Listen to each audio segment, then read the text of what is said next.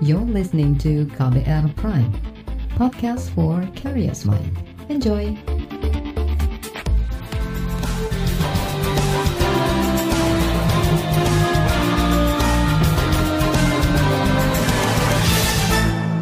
Halo saudara, senang sekali kami bisa menyapa Anda kembali dalam program KBR Sore untuk edisi hari ini, Kamis 3 September 2020. Saya, Sindu Darmawan, akan menemani Anda selama kurang lebih 30 menit ke depan. Kali ini kita akan membahas penerapan sanksi bagi para pelanggar protokol kesehatan COVID-19, terutama aturan wajib masker. Seberapa efektif sanksi bagi mereka yang melanggar? Apakah cukup menimbulkan efek jera atau sebaliknya? Saudara, wabah COVID-19 memaksa masyarakat Indonesia menyesuaikan diri dengan adaptasi kebiasaan baru. Ada protokol kesehatan yang harus dipatuhi, seperti tidak membuat kerumunan, selalu mengenakan masker hingga rajin mencuci tangan menggunakan sabun. Tujuannya untuk mencegah penyebaran virus corona. Namun pengamatan di lapangan menunjukkan disiplin masyarakat terhadap protokol kesehatan masih rendah. Di berbagai daerah, ada ribuan orang terkena razia karena tidak memakai masker wajah atau membuat kerumunan. Pada awal Agustus lalu, Presiden Joko Widodo telah mengeluarkan instruksi Presiden tentang peningkatan disiplin dan penegakan protokol kesehatan. Sejumlah sanksi pun diterapkan mulai dari sanksi administratif hingga sosial. Namun pelanggaran tetap saja terjadi dan menyebabkan penularan virus corona terus bertambah. Tim pakar Satuan Tugas Penanganan COVID-19 menyebut, diperlukan pemberlakuan denda dan sanksi untuk meningkatkan disiplin masyarakat terhadap protokol kesehatan. Berikut penjelasan Ketua Tim Pakar Satgas Penanganan COVID-19, Wiku Adhisa Smito. Selanjutnya, kami ingin menyampaikan tentang bagaimana cara untuk bisa mengurangi atau menekan penularan dengan baik di masyarakat sesuai dengan instruksi Presiden nomor 6 tahun 2020 tentang peningkatan disiplin dan penegakan hukum protokol kesehatan dan pencegahan pengendalian coronavirus disease 2019 ini menginstruksikan kepada lintas kementerian TNI, Polri, dan pemerintah daerah untuk bisa mengambil langkah-langkah penting salah satunya di DKI ini dengan kasus yang meningkat untuk bisa men menegakkan kedisiplinan masyarakat melalui proses-proses yang mulai dari persuasif dan mungkin juga perlu menerapkan denda dan sanksi. Wiku juga meminta Pemprov DKI Jakarta mengkaji ulang perluasan ganjil genap di ibu kota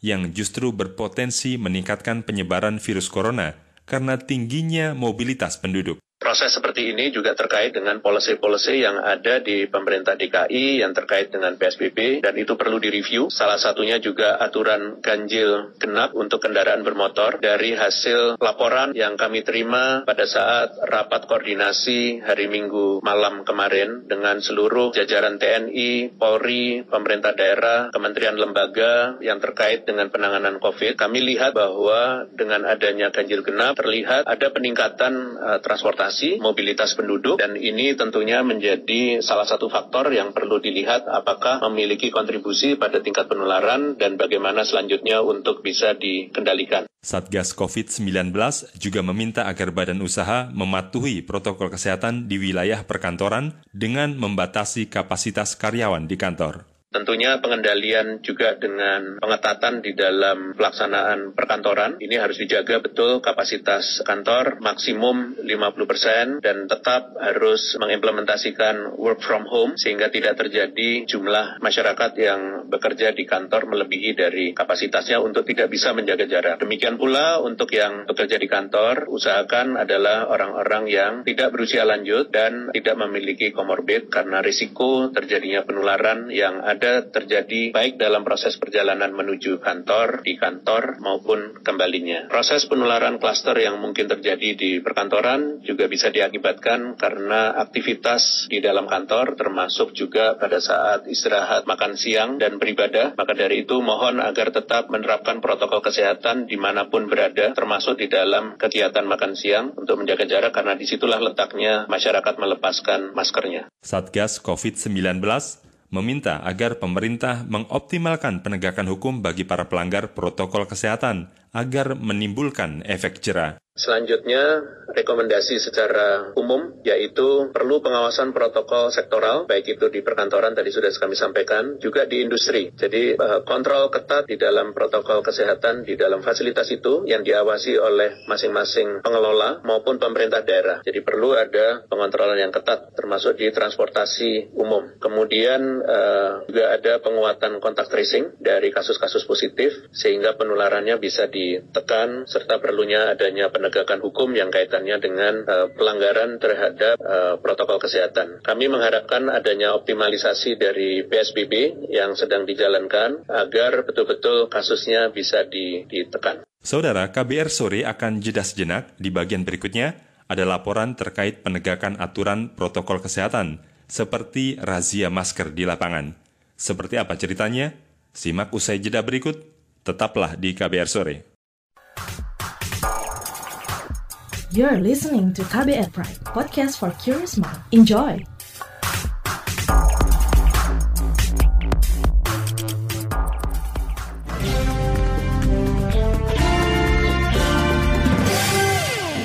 Saudara, masker disebut sebagai alat pelindung utama dalam pencegahan COVID-19. Saking krusialnya, Presiden Joko Widodo mengeluarkan instruksi yang memuat hukuman bagi pelanggar aturan masker. Aparat dan Pemda mulai rajin menggelar razia dan melakukan penindakan. Seperti apa praktiknya di lapangan? Simak laporan tim KBR yang dibacakan Valda Kustarini.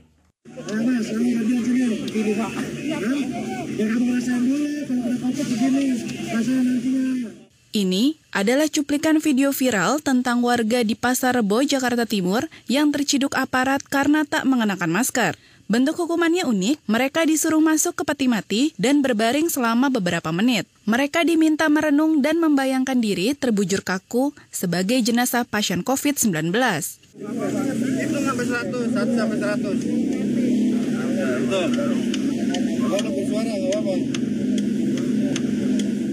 Ini merupakan salah satu cara pemerintah menegakkan aturan tentang kewajiban memakai masker. Payung hukumnya langsung dari instruksi Presiden yang memuat sanksi bagi pelanggarnya berupa mulai dari teguran, kerja sosial, denda, hingga penutupan sementara tempat usaha. Salah satu yang pernah merasakan sanksi kerja sosial adalah Kai, seorang karyawan swasta di Menteng, Jakarta Pusat. Awal Agustus lalu, ia dihentikan aparat saat berkendara di Jalan Raya Bogor karena tak memakai masker tiba-tiba ada kayak razia polisi gitu tapi ternyata bukan razia SIM STNK tapi razia masker nah karena posisi saya waktu itu nggak pakai masker karena kelupaan ya udah akhirnya minggir nah pada saat saya minggir kayak pertama kayak di persuasif dulu terus dikasih tahu kalau ternyata sekarang tidak menggunakan masker itu salah satu bentuk pelanggaran Kai disuruh memilih bentuk hukuman yang harus ia jalankan. Opsinya antara menyapu jalan atau membayar denda. Kai memilih yang pertama ada beberapa pilihan, jadi bayar sanksi administratif sejumlah uang atau kayak kerja sosial gitu menyapu. Ya udah akhirnya saya pilih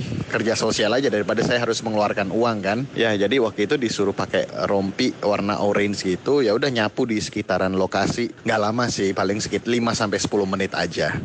Meski sanksinya tergolong ringan, Kai mengaku jerah dan kini tak pernah lagi lupa mengenakan masker. Kalau ditanya efektif atau tidak efektif itu relatif ya, kembali ke pribadi masing-masing. Tapi kalau saya sih dengan apa yang saya alami, saya agak cukup kapok dengan apa yang sudah saya lakukan, sanksi sosial tersebut. Jadi itu membuat saya sekarang kalau mau ke mana-mana pasti saya ingat dulu masker nomor satu. Sementara itu, Sanksi denda dialami Putra Ismail Fahmi, pengamat media sosial sekaligus pendiri Drone Emprit. Ismail mengisahkan, anaknya harus membayar Rp250.000 karena tak memakai masker saat mengendarai mobil di Jakarta Selatan. Jadi ceritanya dari rumah itu dia ngantar ibunya ke rumah sakit RSUD. Ibunya kan dokter spesialis, duduk di belakang. Di kafe satu, habis lewat perempatan timbul kan terus tuh ada enam pom bensin, ada lagi pom bensin satunya lagi. Belum pom bensin satu lagi itulah itu ada razia. Ada dua pilihan ditanyain dan karena nggak ada waktu kan tundanya juga bisa telat nantinya.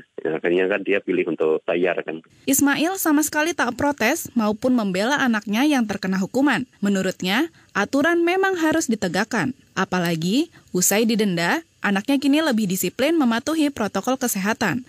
Dia udah gede, SMA udah lulus, dia udah tahu apa yang dilakuin. Dan saya perhatikan dia otomatis pernah uh, setiap kali mau keluar gitu langsung ingat lagi oh ya masker gitu, diingat sendiri. Gak perlu diceramahin, gak perlu diingetin kan, dia kena konsekuensi sendiri. Nanti kalau tuh nggak mau bawa kalau enggak kamu harus ini kan, harus kerja sosial beresin ya. Ismail mendukung razia masker lebih digalakan. Hal ini diyakini bakal meningkatkan kesadaran masyarakat tentang pentingnya peran masker dalam mencegah COVID-19.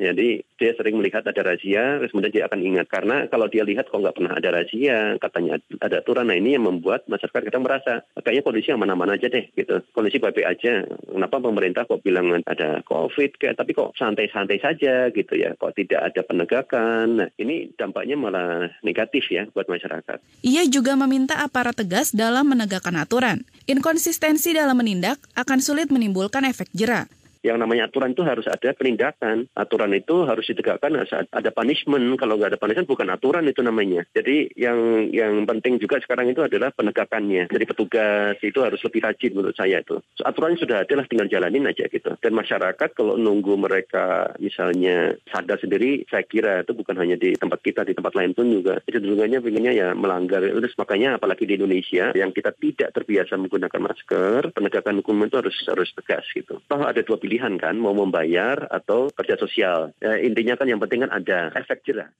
Demikian laporan tim KBR, saya Valda Kustarini. Di bagian berikutnya kita akan cari tahu bagaimana pemerintah Provinsi DKI Jakarta dalam menerapkan sanksi-sanksi bagi pelanggar protokol kesehatan. Apa saja itu? Kami segera kembali. You're listening to KBR Pride, podcast for curious mind. Enjoy!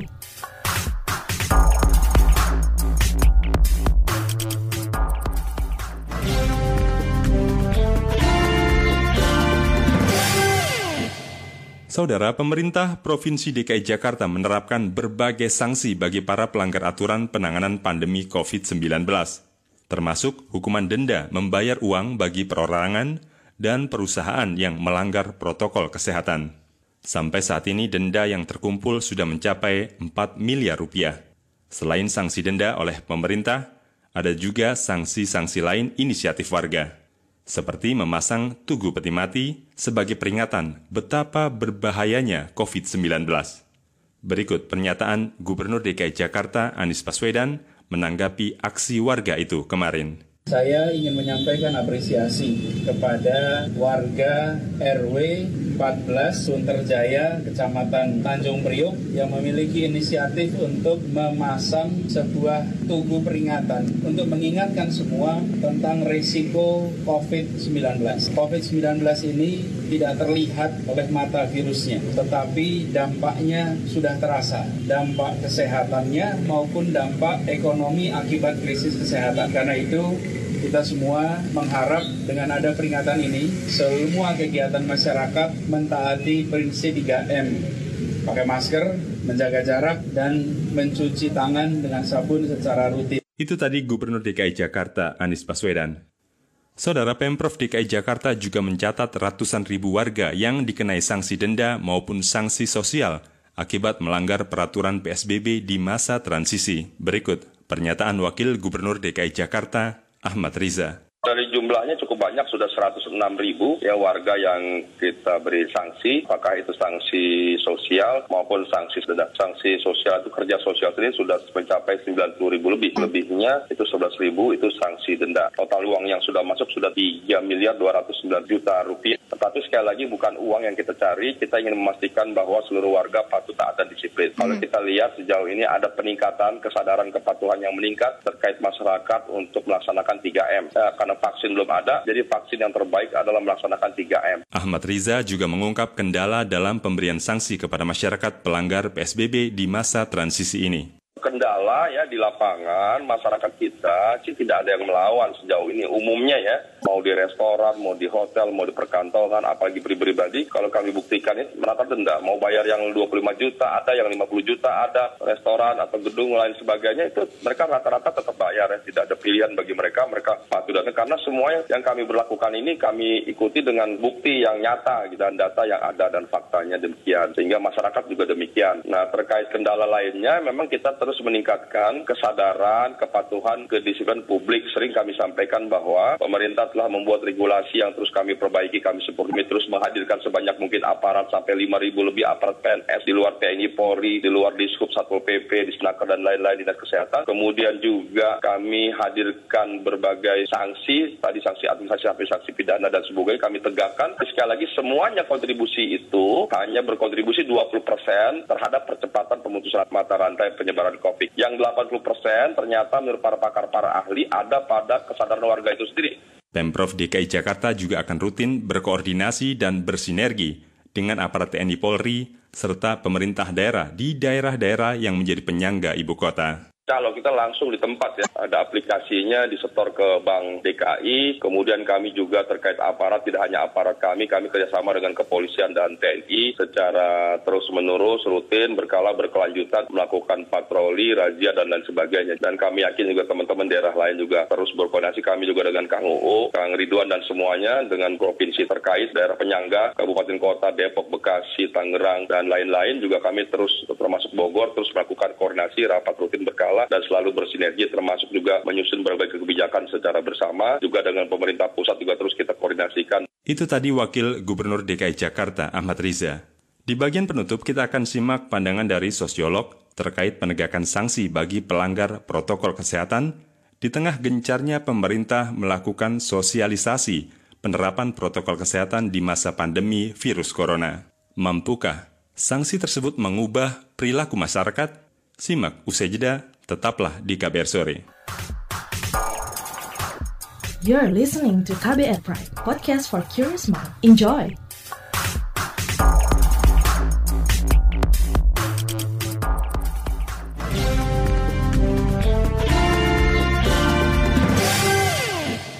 Anda masih mendengarkan KBR Sore. Saudara, pemberian sanksi mulai dari denda berupa uang atau sanksi sosial dinilai tidak efektif untuk membuat masyarakat mematuhi protokol kesehatan, apalagi jera.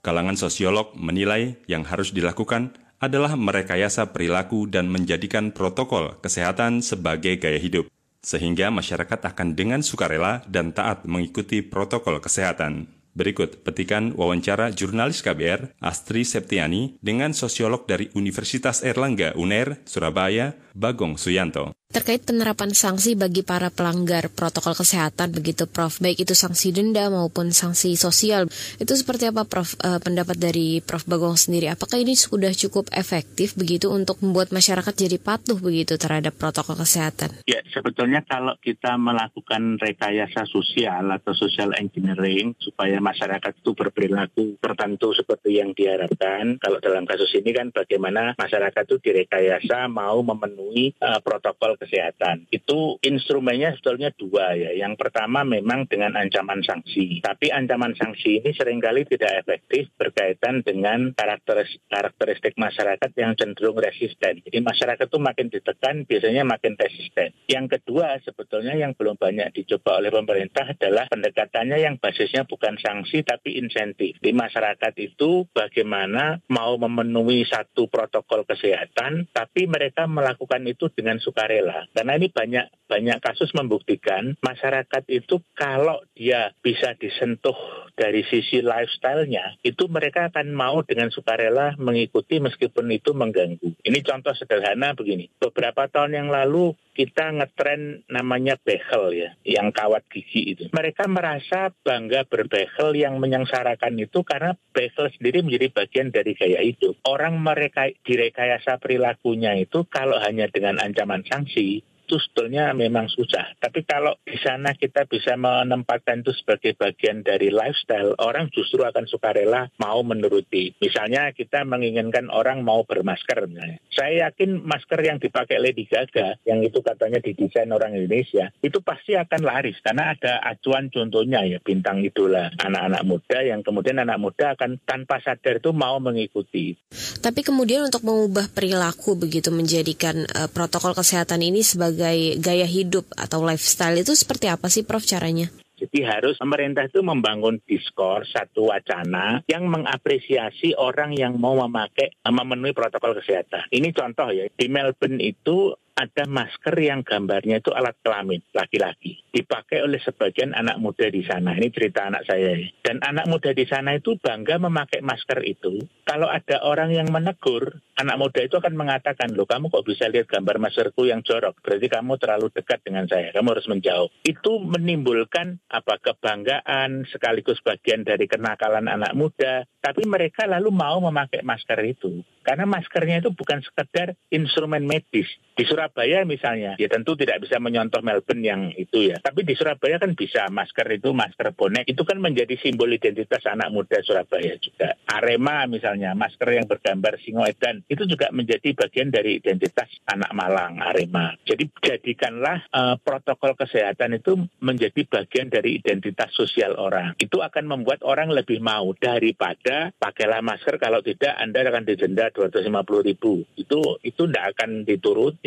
Yang terjadi nanti orang nuruti hanya karena ada operasi aparat penegak hukum. Kalau tidak ya mereka akan mencopot. Kemudian apa Prof rekomendasi untuk pemerintah begitu agar upaya untuk meningkatkan kepatuhan masyarakat eh, terhadap protokol kesehatan ini bisa berlangsung maksimal? Nah kalau dalam hal ini menggandeng influencer saya kira cocok untuk gerakan-gerakan yang merekayasa sosial ya ajakan bukan menggandeng influencer untuk kepentingan politik ya, tapi lebih pada bagaimana mensosialisasikan satu gaya hidup yang positif. Kalau hanya mengandalkan sanksi, saya yakin tidak akan pernah mati karena akan menghadapi resistensi masyarakat. Jadi yang dibutuhkan memang bukan ancaman sanksi saja, tapi juga pendekatan yang basisnya tadi kayak bilang basis gaya hidup, basisnya insentif. Jadi pemerintah perlulah mengembangkan banyak ragam pendekatan, tapi jangan menghomogenisasi pendekatan tunggal itu. Ancaman itu hanya efektif untuk zona tertentu, kelompok tertentu, ya yang memang bisa diawasi oleh penegak penegak hukum. Kalau misalnya di bandara itu akan ada pengawasan dan orang pasti taat lah ya, karena ada banyak petugas yang mengawasi. Tapi di rumah, di tempat publik lain, di pasar yang orang tidak merasa diawasi itu butuh pendekatan yang berbeda. Itu tadi sosiolog dari Universitas Erlangga UNER Surabaya, Bagong Suyanto.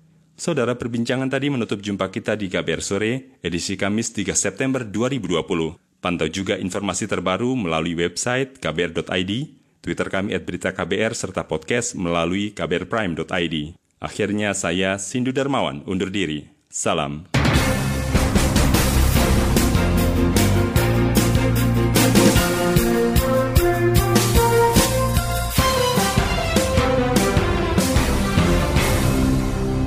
KBR Prime, cara asik mendengar berita. KBR Prime, podcast for curious mind.